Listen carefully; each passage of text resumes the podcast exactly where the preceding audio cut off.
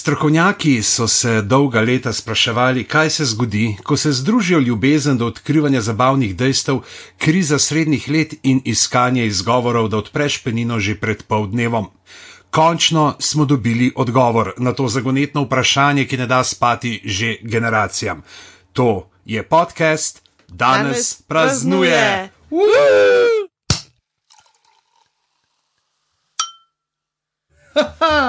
Z vami sva Mojca Gorenc in Boštjan Gorenc, pižama.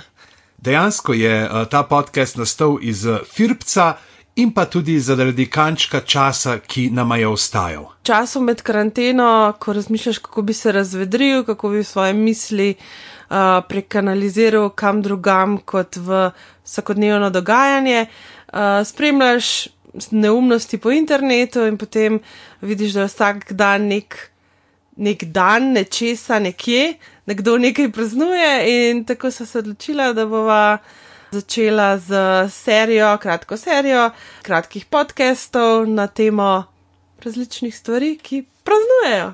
Tako je, in uh, vsakič bo slavljenec, slavljenka, uh, slavljenci, uh, bodo zgolj izgovor za to, da pobrskava malce po spominu, malce po asociacijah in pa po kakšnih popkulturnih ali kulturnih, mogoče tudi zgodovinskih bizarkah, ki jih povezujemo z določenimi stvarmi. Moram vas sicer povedati, da nisva strokovnjaka, ampak če.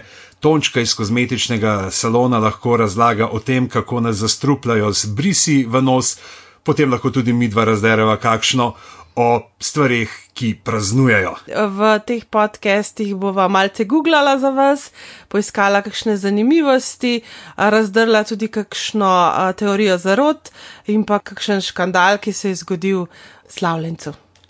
In danes praznuje Tuna! Tuna!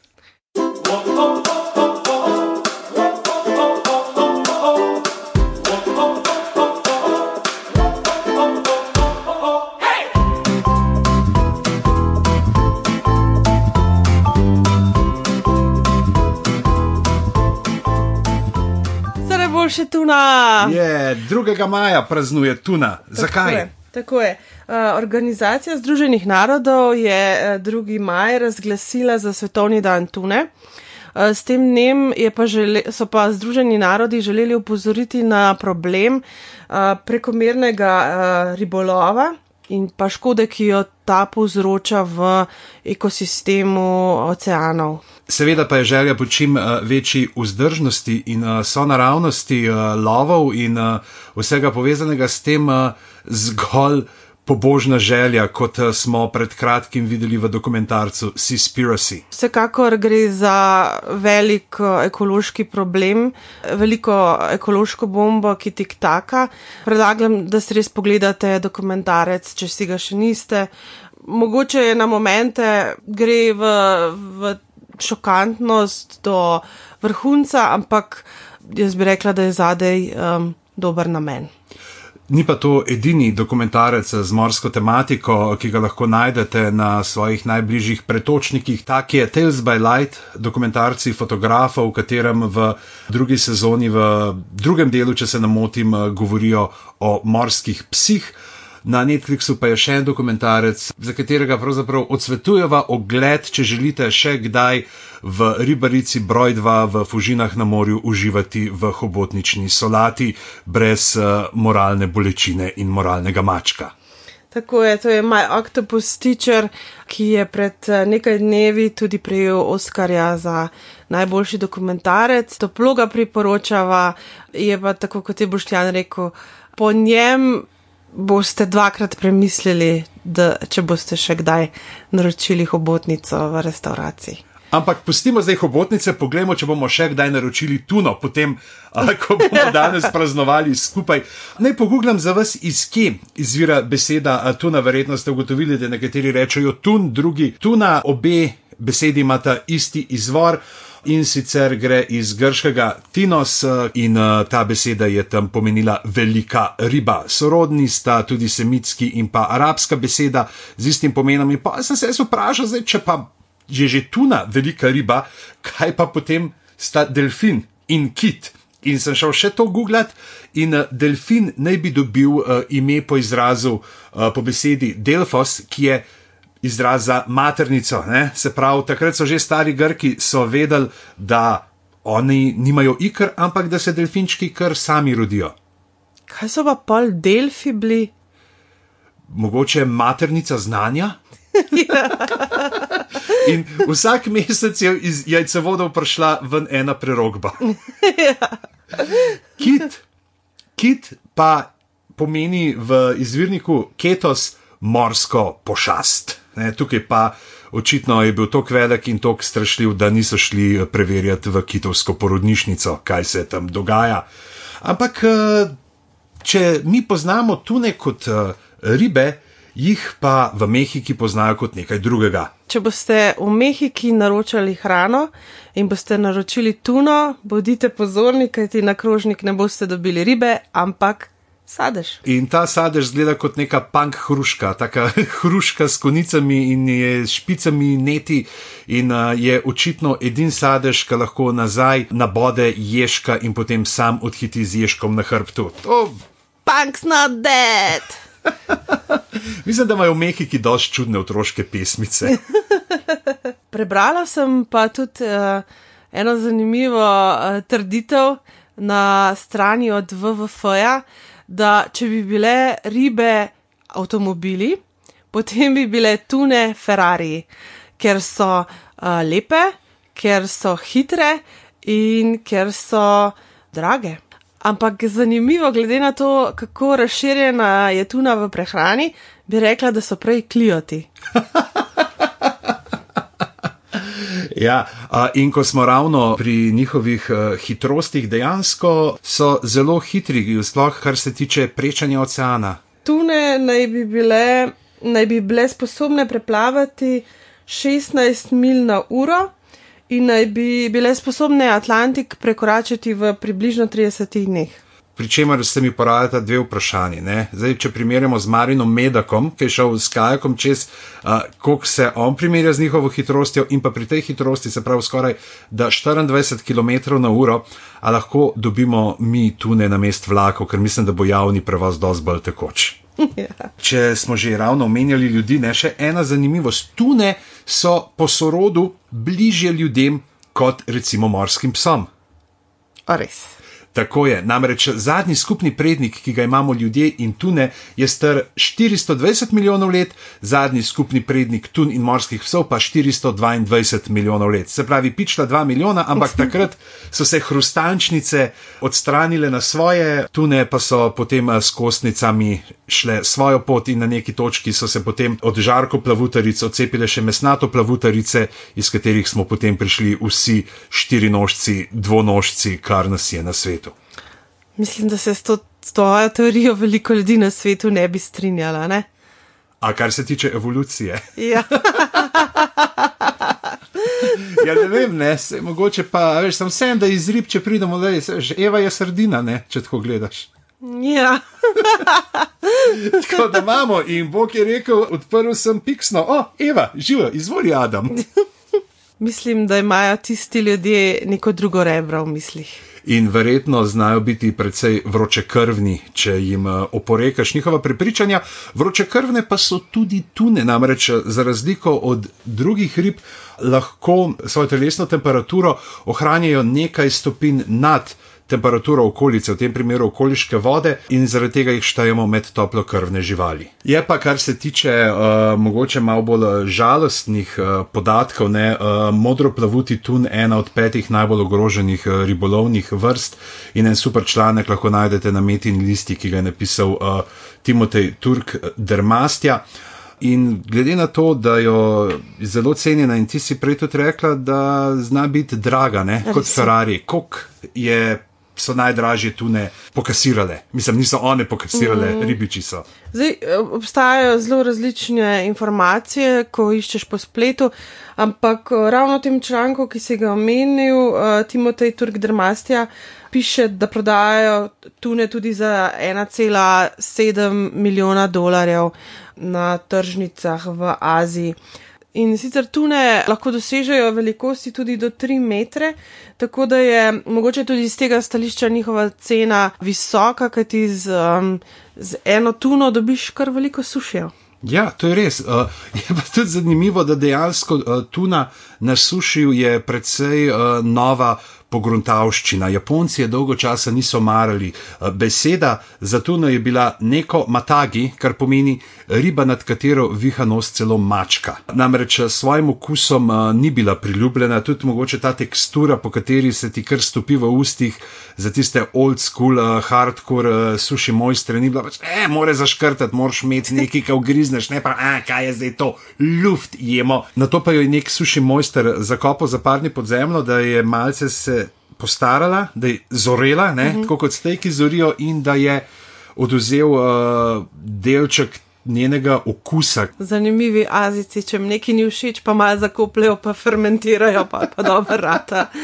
Niso jo hoteli jesti, potem so pa v 70-ih letih, ko so uh, Japonci na veliko izvažali elektroniko, uh, v Ameriko pogruntali, da nazaj vozijo prazne avione in zakaj ne bi pa mogoče uh, potem uh, kupili tistih uh, pocen tunih trupel, kadavrčkov v pristaniščih uh, na, v Novi Angliji in jih vozili nazaj. A misliš, da se je kakšen kupec Nintendo pritožil, da je smrdel po ribah?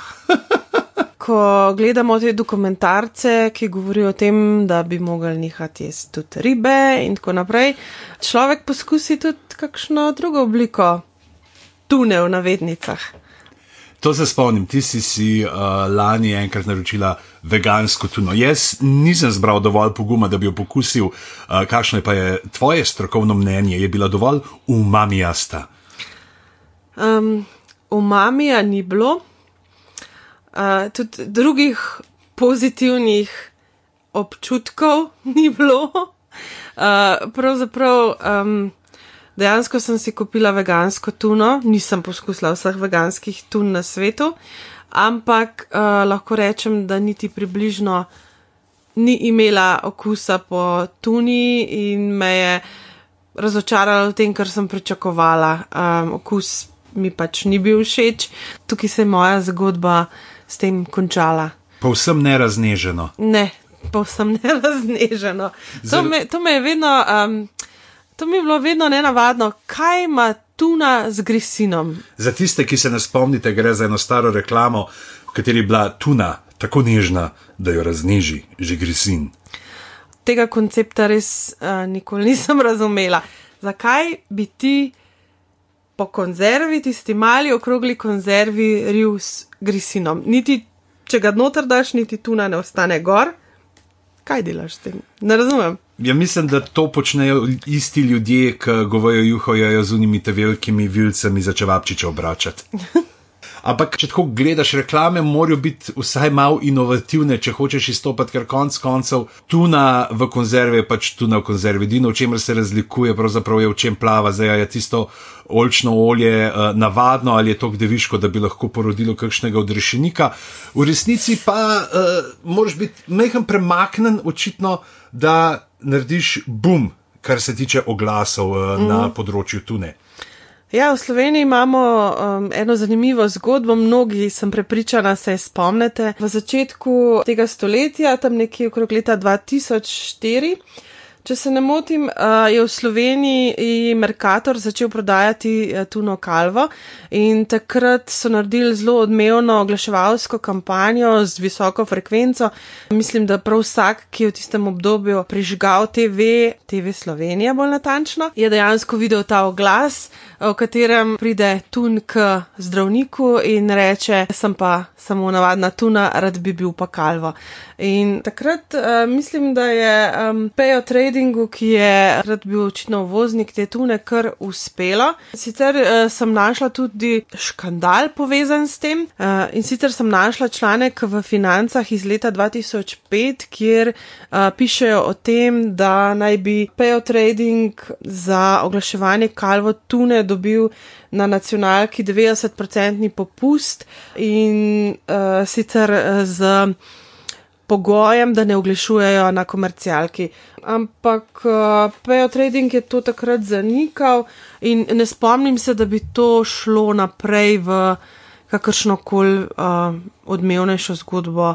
Zdaj, Kalvo je mogoče zanimivo z tega stališča, ker gre za družinsko multinacionalko iz Španije. Z dolgoletno tradicijo so izjemno inovativni, mogoče ljudje niti ne vejo in niti ne razmišljajo o tem, ker gre za precej pač vsakodnevno stvar, ki jo poznamo, ampak Kalvo skupina je bila prva, ki je začela tuno konzervirati v okroglih konzervah. Prej so poznali tuno v ovalnih konzervah, tudi mi se jih spomnimo.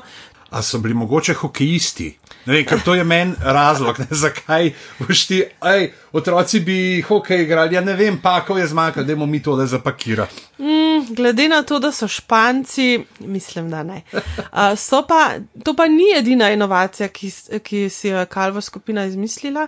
Uh, druga inovacija je pa to pakiranje tun v pakete po tri. Se mogoče niti ni ne tako čudno, da so si oni spomnili potem uh, teh reklam, glede na to, da so Španci in Španci imajo dolgo zgodovino hudega marketinga. Mislim, konc koncev Salvador Dali je delal dizajn za lizike. Zanimivo, da si, da si se spomnil ravno Dalija, ker o, Salvador Dali je tudi uh, tam v 60-ih letih sliko lov.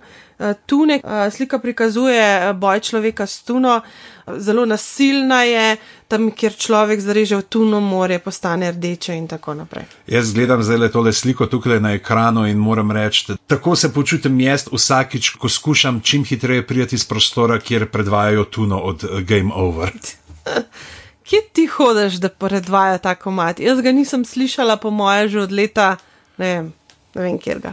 Se jaz ga na srečo tudi nisem zadnje čase, mogoče zato, ker že eno leto ne hodim nikamor, ampak sem pa. Pred... Aha, prej so pa v tvojem najljubšem lokalu vrtel to vsak dan večkrat, ne? Seveda.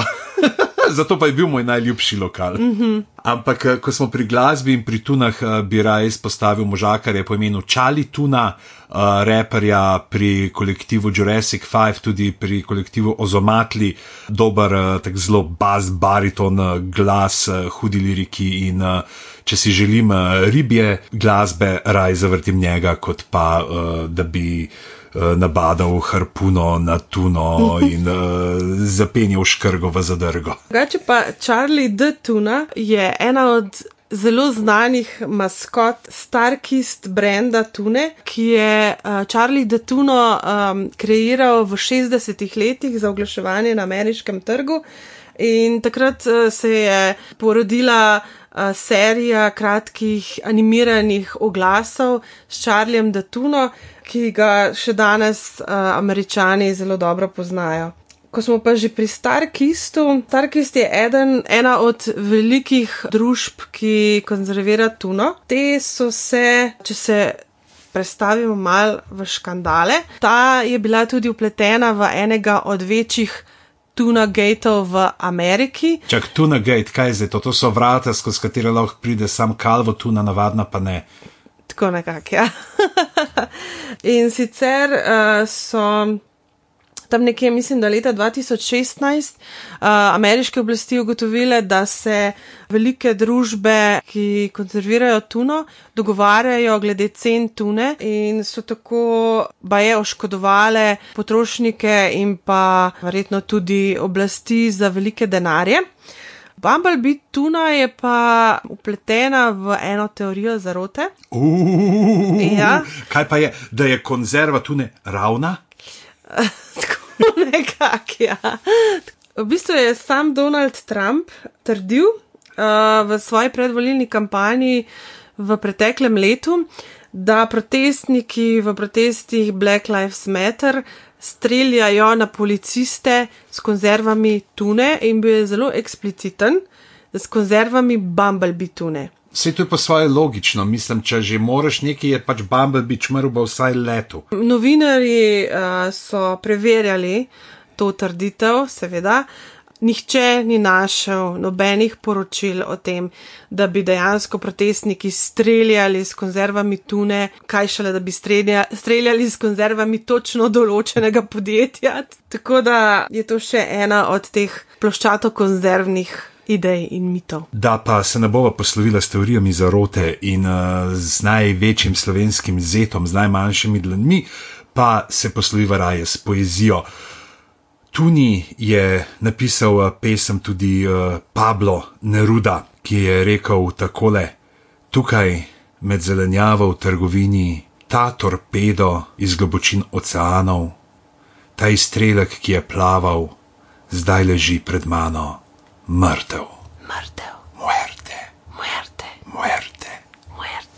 Jaz se upravičujem, ker sem tole uh, prevajal sproti po angliškem prevodu. Poiščite si ga nekje na spletu, medtem ko bova midva še zadnjič nazdravila za tuno. Uh, vsakič bova poskusila eno penino in danes imava brda, mozaik, brut, uh, pri kateri sem se tudi jaz nekaj naučil, ker piše. Uh, da so tukaj mozaično locirane te vinogradi, rebule, raztresenih po slikovitem reliefu briških gričev, kjer opočna prst vinu daje posebno noto mineralnosti in svežine. Tako da, kaj misliš, da bi bilo lahko opočna prst? Nekaj kar poč, I don't know. Dejansko gre za lapornato prst. A, okej. Lapor je Počnat, primorska. opočnat. Opočnat, lapor je opočnat in uh, tole nima pokljajočega vonja, čeprav pokljajo mehurčki, je pa kar sadna, ne? Ja, ker ima tako sadno noto, se mi zdi. Tuna, lepo praznuj še naprej. Uh, z vami sva bila Mojca Gorenc. In boštjan gorenc pižama. Woo! Do naslednjič, ko bomo videli, kdo bo praznoval tisti dan. O, mi to že veva.